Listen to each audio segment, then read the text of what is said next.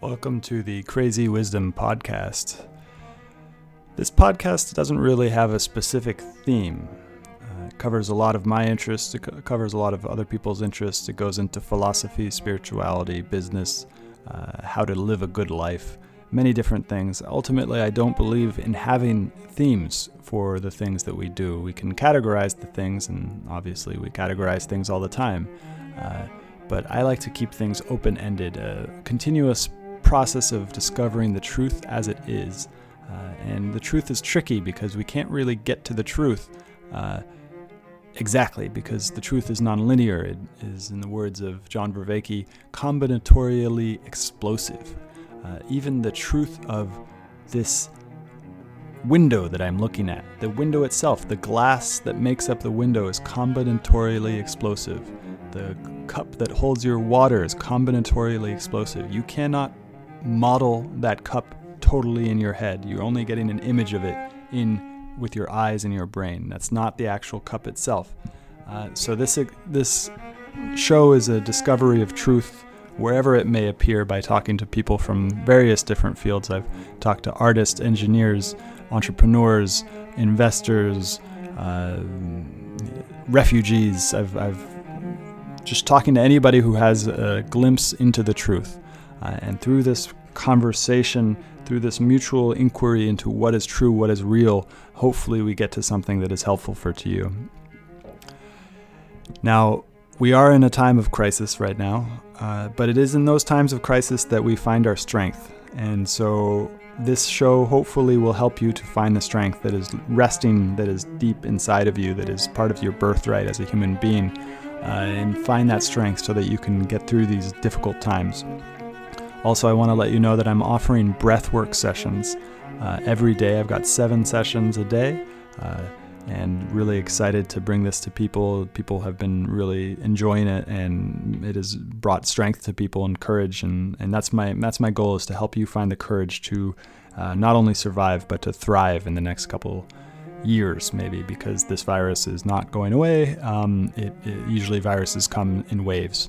Uh, so this is the first wave. It will go away, and then it might come back. I'm not saying that I know for sure it will come back, but we are in this for the long haul. So this is a uh, marathon, not a sprint, uh, and I want to do everything I can to help you not only survive but to thrive. Uh, so. If you are interested in that, please find me on Twitter at Stuart Alsop III. My DMs are open. I'd love to hear about what you think about this show. Uh, also, it'd be very, very kind of you to both subscribe to the show on Spotify, Stitcher, uh, iTunes, many of the major pot plat- platforms. And if you're really feeling generous, go ahead and give a review on iTunes. So join me for the breath work. Just send me a message on Twitter at Stuart Alsop III with your email, and I'll add you to the email list where I'm sending out emails for the schedule. Uh, hopefully, see you there. Have a great day. Welcome to the Crazy Wisdom Podcast. Uh, my guest today is Richard Price. He is the CEO and founder of academia.edu. Welcome to the show, Richard. Thanks for having me. Great to be here. Really excited to. I, I was just reading that you have a PhD in philosophy, um, and philosophy is coming up quite a bit in my conversations over the past couple weeks. Uh, and I'd love to talk about uh, the connection between philosophy and science, uh, technology and science uh, can you, from those of my listeners who don't know, can you tell them what academia.edu is? Um, yeah, academia is a platform for academics to share papers. Um, our mission is to accelerate the world's research, um, and uh, part of that is, is achieving open access, which means getting every single paper ever written on the internet available for free and it's so interesting because you have Google, which was started because they got this idea that about citations, I believe, uh, correct me if I'm wrong, they got this idea about citations, uh, and then they built that into the search algorithm uh, and gave it certain weight. Uh, and now it seems like it's coming back to academia, and a lot of academics must be pissed off at this as well, right? Um, yeah, I mean that's that's exactly right, and I suppose even like even further back than that, there's Tim Berners-Lee and his, you know, he's a sort of physicist who's working at CERN and um, you know, he was originally thinking about putting just documents, you know, of a general scientific nature online. Interesting. Um, and w- why this? Why did you Why did you build this? Um, I was uh, at Oxford doing my DPhil, as they call it. It's, a, it's what their name for a PhD is in philosophy. And um, I'd started a few other companies actually alongside my my doctorate, um, like a couple of food companies, a couple of tech startups. And at the end of the doctorate, I uh, wanted to share my own papers that I'd written as part of the part of the doctorate online. It was very hard to to create a web page and just sort of get started. You had to basically be somewhat technical. You have to be, you know, right. You gave you were given Oxford gave you free web space, like a gigabyte or something, and then uh, you know you could FTP files to the server, and then you could, you know you obviously have to design your own HTML. And I just thought the academic community wanted a very simple way of getting their papers online. So I, I thought, yeah, I'll, I'll build that. and so, in what ways does philosophy? Did you you see had an interest in business before you started with philosophy? Yeah, my in my my two passions in life have always been entrepreneurship and philosophy. Um, yeah. Hmm. And then, so what? How has uh, your study of philosophy kind of helped you to do better business, if at all?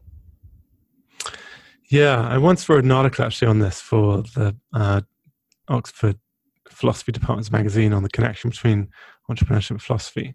And I, I, actually do think there's a connection, even though they seem somewhat worlds apart. Um, so for me, um, the, what's involved in philosophy is that so the examination of basic concepts, really ultra basic concepts that we don't often have time to question or examine or explore, like goodness and badness. You know, I have three boys, and two of them I have twins who are five and a half, and, uh, and I have a one and a half year old. And um, but you know, even at a very young age, notions of like what's fair and what's not fair are quite uh, present in, in, in people's minds and notions of like what do we know and what do we and i think philosophy is about slowing our minds down because we often make transitions from something happened to something being fair something happening to therefore i know about it or don't know about it. And i think philosophy is about slowing down those rational transitions we make at high speed and examining each step with sort of kind of microscopic detail and sort of zooming in, especially if you find something that doesn't feel quite right. It feels a bit odd that transition between step one and step 1.1. It's not quite right about it. And you will zoom in on that sort of discomfort, magnify it to a thousand X. And then sometimes in you know philosophy, that's that's where you find, hey, actually step 1.1 doesn't follow from step one. Mm. That's an error in the rational transition. I think in um, everyday office, we, we sort of we whiz by at high speed. I think in entrepreneurship, the analogy is we acclimatize our behavior around these like physical constraints in life so successfully that we don't even notice that there. And i think a lot of for me at least the entrepreneurial sort of mindset has been about trying to slow one's mind mind down as much as possible such that one notices the elephant in the room and notices the, the thing that's actually kind of like quite annoying and I mean, I, I, think the similarity comes down to basically in both fields, problems are gifts. They are absolute golden nuggets for the mind. They're, uh, you know, they're gifts from heaven. And once you're given a problem, especially a small little like acorn of a problem, then what you hope is it'll, you know, with, with if you examine it, well, at least sometimes if you examine it, you'll see, wow, that's actually a humongous problem. And, uh, but they both, they both my, at least my experience, both the, the, sort of exploration, I think, in both fields is actually quite in the intellectual side. Of course, there's massive differences, which is in philosophy. Um, once you notice that golden nugget of a problem and you start to sort of tease at it, um, you know, it remains a very theoret- theoretical venture. Um, especially, you know, mm. uh, it's in the study. It's in, you know, it's typically just single authored papers. So it's just your own work. Whereas what happens obviously in entrepreneurship after you've noticed that problem is of team building and um, fundraising and being very sort of active in, in the world. And having yeah active feedback from it. So there's a lot of a lot of different ways we could go there from the at the very beginning you were talking about how your kids bring up these deep philosophical issues and i've been i was read somewhere that the uh, it was in the master and emissary this book about the right hemisphere and the left hemisphere. Was uh, he he mentions that the basic question of philosophy is why is there something rather than nothing? Um, and i remember thinking that or wondering about that when i was a kid. Um, and then we kind of just like give these up and then at some points for me like a return to philosophy has come mostly through challenges through really really difficult uh, challenges in my personal life and with my health um, as to like why and you never you never really question these things when they when they're going well or most people don't really question them when they're going well. For me it's it's kind of this questioning has come back at a time where things have become very difficult. Um, what do you think about that? Yeah it's interesting. Um, uh, you know, I think there are sort of um, lots of ways into philosophy, and um, sort of how you know one way in is, is the way, way you just outlined, and I think that would be interesting to explore. Um, another kind of quite similar way in um, is through sort of almost like personal ethical questions, like questions that one really. For example, I recently wrote a paper on vegetarianism, um, and the genesis of this paper was I really wanted to like think to myself, like, should I be a vegetarian? It was like an ethical question that was like loomed large in my mind. I didn't want to live the unexamined life, as Socrates said. You know, I didn't want to just sort of ignore the mega ethical questions. And that was when I really wanted to get my. So I ended up kind of writing a paper that was very personally motivated, um, as opposed to, you know, um, as, as opposed to sort of being of theoretical interest. In fact, I think I would say that most of my philosophy that I write today, I have three papers on that I'm kind of working on, are quite personal. Um, like I have one on like personal identity, for example. Like, would we be the same person if we upload ourselves to the internet? Mm. Um, you know, there's a lot of in Silicon Valley talking about kind of immortality and sort of like you know, sort of you know, transhumanism and you know, uploading, sort of changing your substrate to silicon and all that. And I think those are cool questions, and maybe they're ones that are real questions in a hundred years' time. Yeah. So the um, other area that's sort of personal interest is free will, and um, the question is, you know, I think um, people often ask, "Do we have it? Do we not have it?" I think there's this prior question that I'm gripped by, which is like, what would it what would it mean to have it? Um, you know, if you were God creating a universe and you sort of built all the particles and you described the laws governing the movement of the particles, and then you said, let that be free will. What, what exactly just happened in the universe? And um, so I think, know, I find that a very interesting question um, that's sort of personally gripping. Hmm. And so you've got these personally gripping questions, and then you're also building a company that's also helping other people publish papers. What what has been the most interesting thing that you've discovered from working on this project?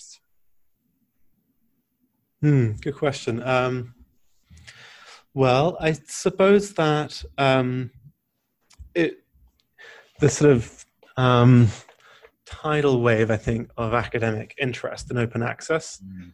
is was a surprise. Um, when I started the company, um, uh, I, open access hadn't yet become even necessarily well-known phrase or a cause célèbre amongst academics. Mm. It was something like, yeah, it'd be nice to have my papers online. It kind of sounds like a cool idea, but not like almost not an article of faith. I think now it is an article of faith. It's like this is how the knowledge, this is how academic knowledge must be. It must be open for, um, you know. Really, I think there were two reasons. One, from the academic perspective, two reasons. One is altruistic, like it's better if the world's academic knowledge is available to all. I think the second one is more about like it's better for my career if my knowledge, mm. uh, my papers are widely available. I'm more likely to have an impact. And then, what have you seen in terms of the non-academics breaking into the thought structures of academics?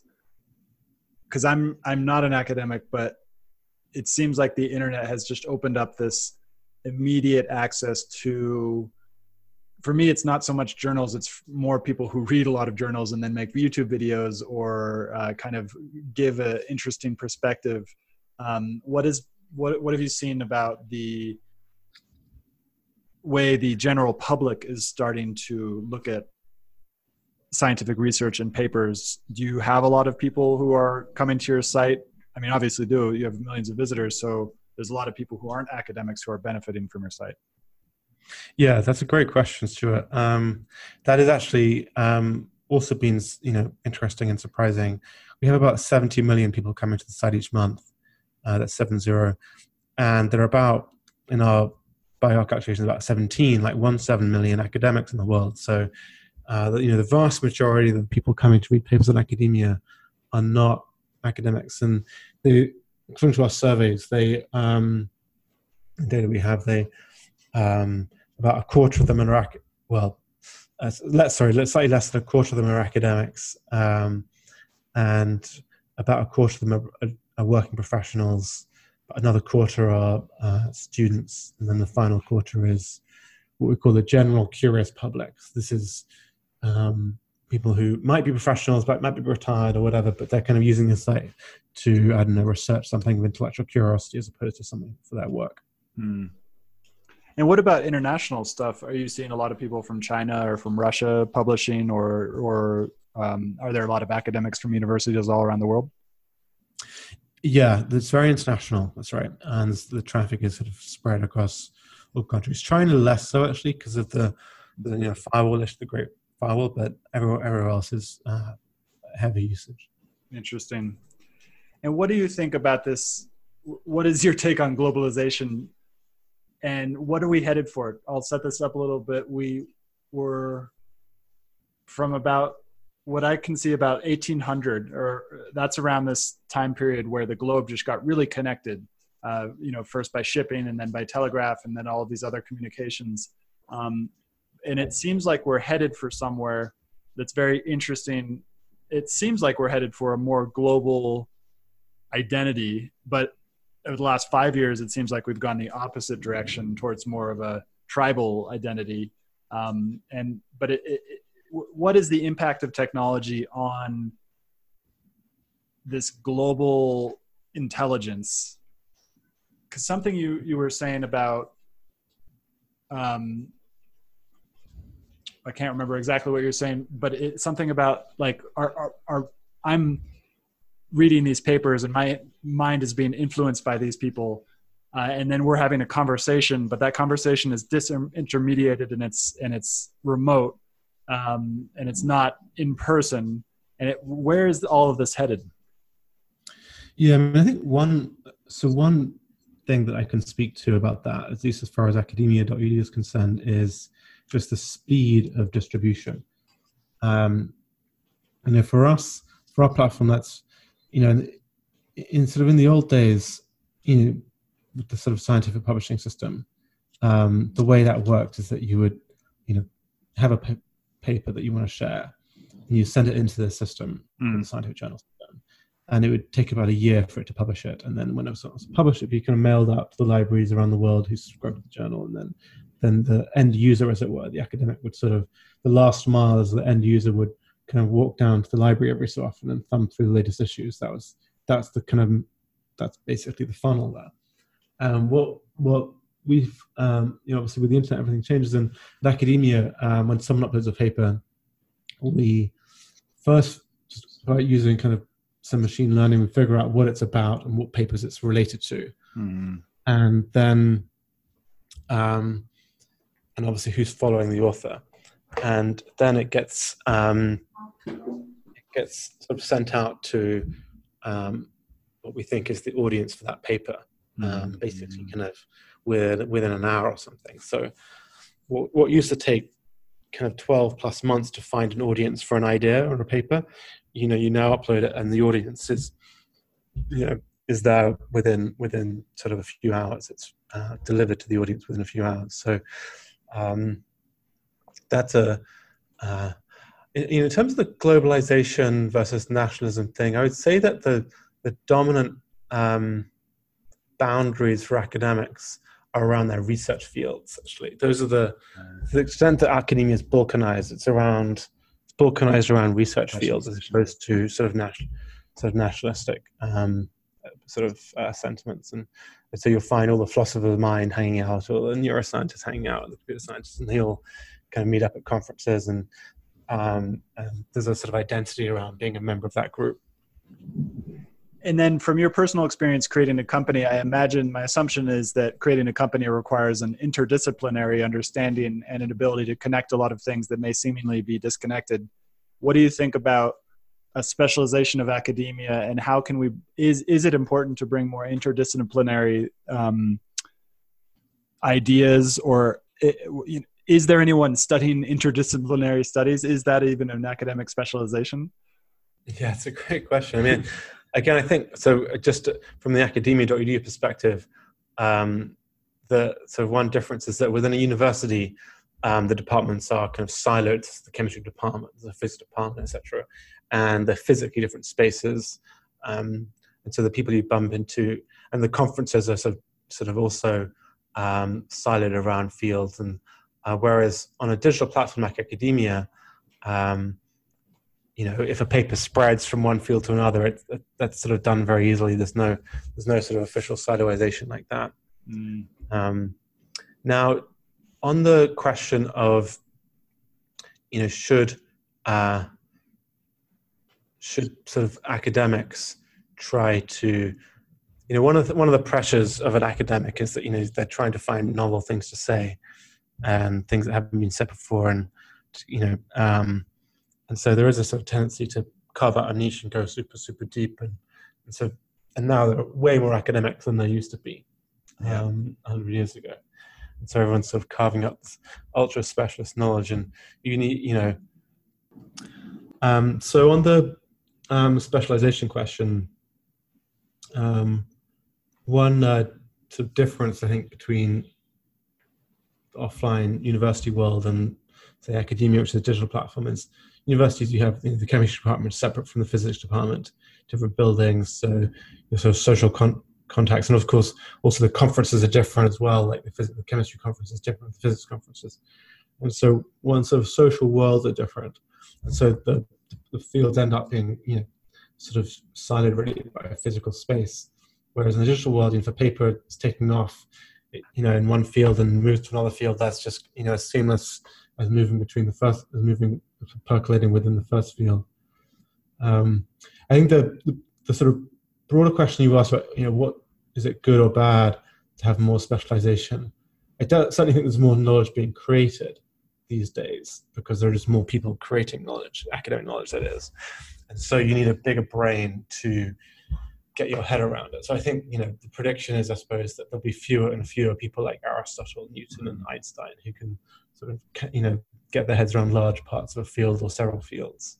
Um, and, uh, you know, um, also you can't really force it. You don't, you can't, you know, if you force someone to become interdisciplinary and to try and become you know try and speculate about connection between the three or four fields at once mm. the risk is that they're not really they don't really know what they're talking about yeah. so you know then then you have someone who's sort of thinking in grand systems but uh, can't do the detail which is not a good outcome and and we need both and this is the thing that's so interesting about living in this age is just we have so much information and now we have this thing with the internet which allows us to all access it as long as we're asking the right questions um, and then it's I, am now remembering something we were talking we were talking about earlier.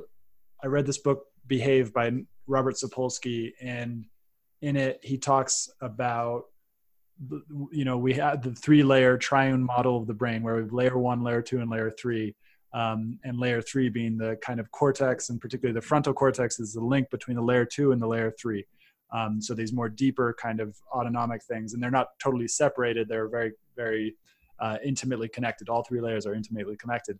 But this layer three is really where this philosophy comes from and this abstract knowledge. And it seems like we're having this explosion of abstract knowledge that's coming out right now. Um, and then we have people burrowing down, but there's nobody who can kind of connect it all.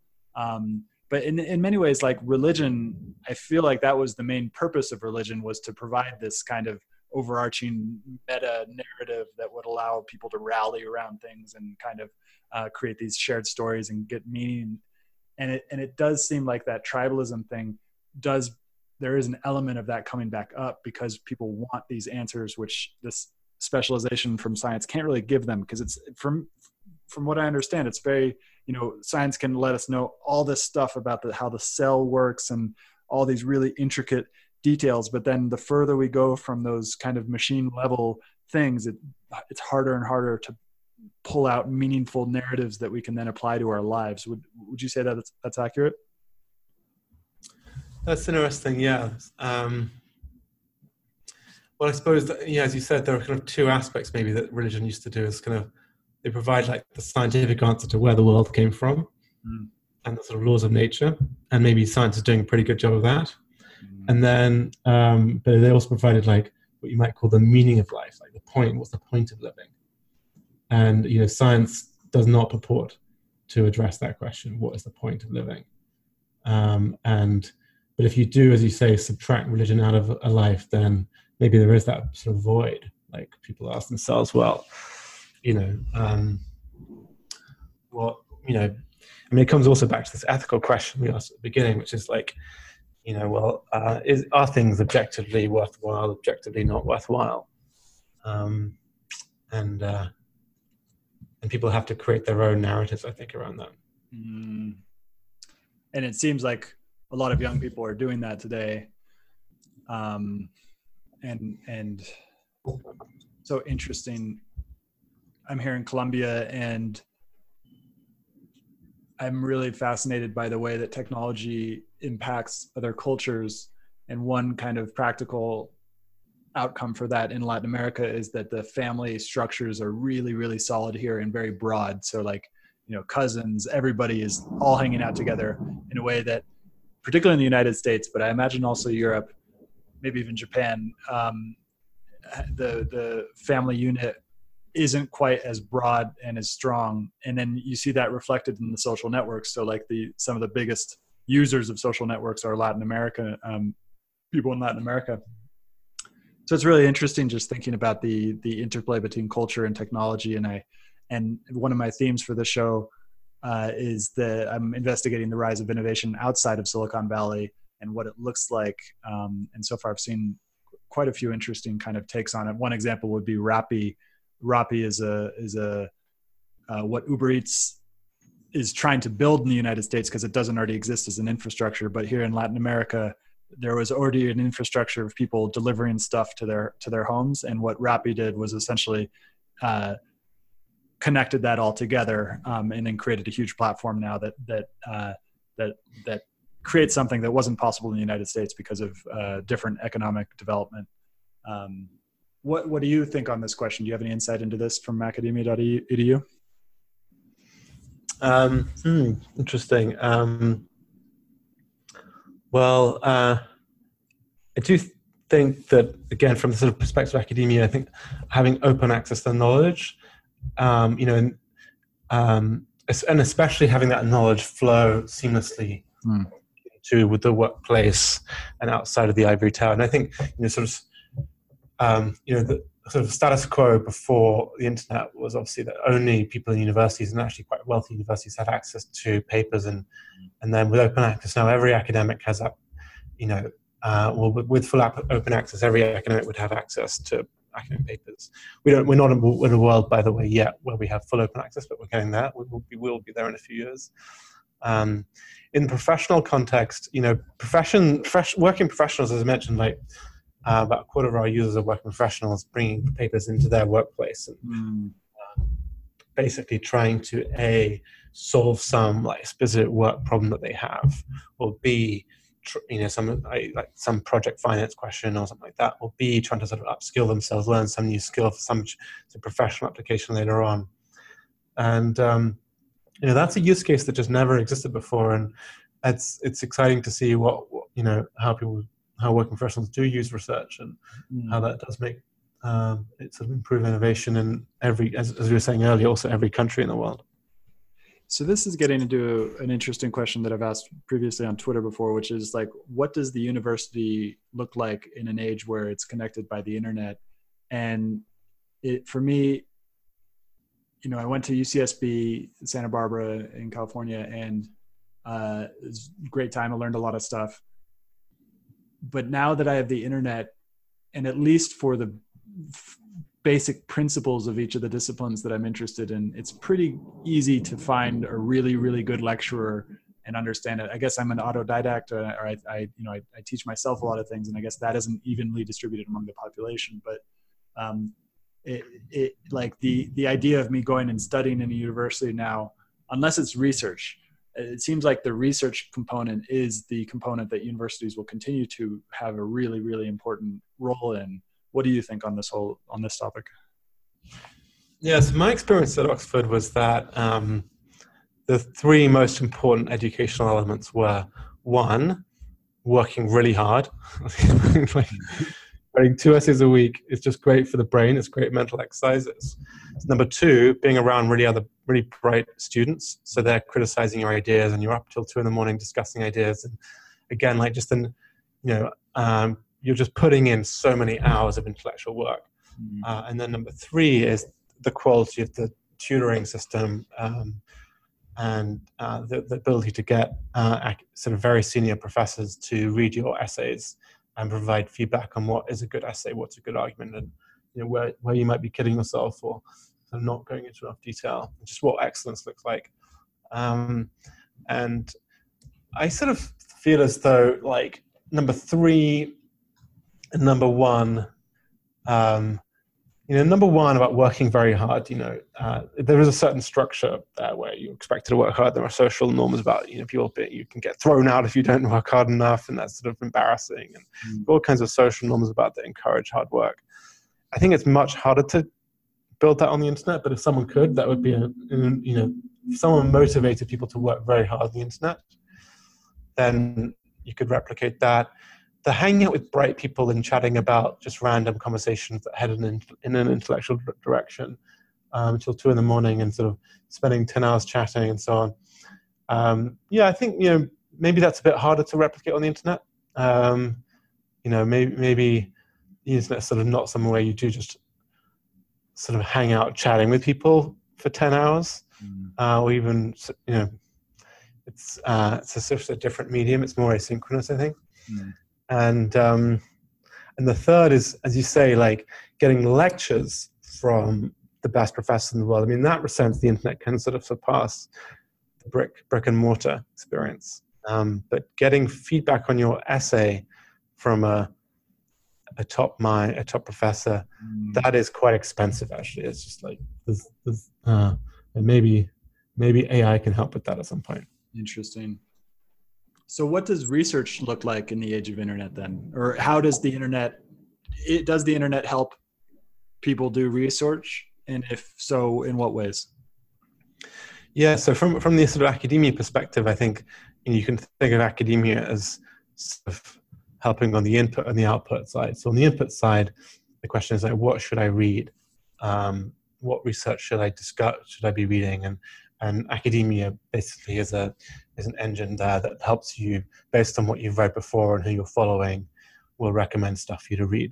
And um, and then on the output side once you've got your uh, you've got your corpus so you've got your paper you want to share um, then the next step in your for, for research is to share it widely so that everyone can read it and and that's kind of the academia distribution system. Mm-hmm. um, and I think the um, uh, something where um, that's we also have in academia is a set of peer review systems so that the papers as they're being circulated can be voted on by experts. We have this system called PaperRank, mm. where a paper can get recommended and it, um, it gets a, the PaperRank score is basically a function of how many recommendations the paper has weighted by how well recommended the recommender is. So it's kind of this recursive peer review system.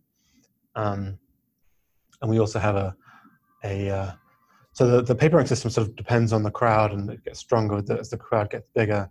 We have another system called sessions where um, you can put our paper out and say, hey, this is a draft paper. It's not finished yet, but I want feedback. And we create a kind of mini 20, 20 day private, semi private group around that paper where people can discuss it from around the world. So you can get instead of sort of physically traveling to a conference and presenting a paper, which is obviously time consuming, and expensive, you can kind of get access to an international audience of your field, um, your specific field, uh, with it, and just you know just just get feedback from them very quickly. A group of them, like sometimes twenty participants, sometimes in what we call a mega session, it can have like three or five hundred, three to five hundred participants. That is really cool.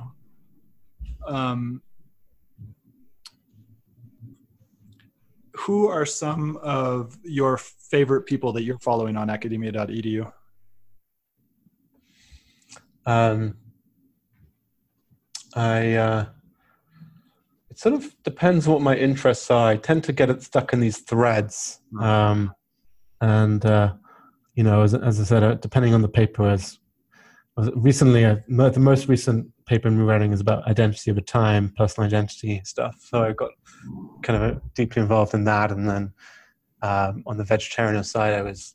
in terms of sort of the, the people that whose philosophy I admire the most, um, say, I mean, this is a slightly different question, but the people whose philosophy I admire the most are people like Tim Williamson at Oxford, John Hawthorne, um, uh, and then going further back, people like sort of David Lewis and Saul Kripke, I think mm. fantastic. Mm. Um, interesting. So you mentioned you mentioned that one thing that great professors can do in a university environment is tell you what excellent excellence looks like. Um, this might be a very abstract question. Free feel to go. Feel free to go wherever you want with it. But what does excellence look like? Yeah, so I think in a um, in a philosophical context, um, the uh, you know one aspect of excellence is rigor.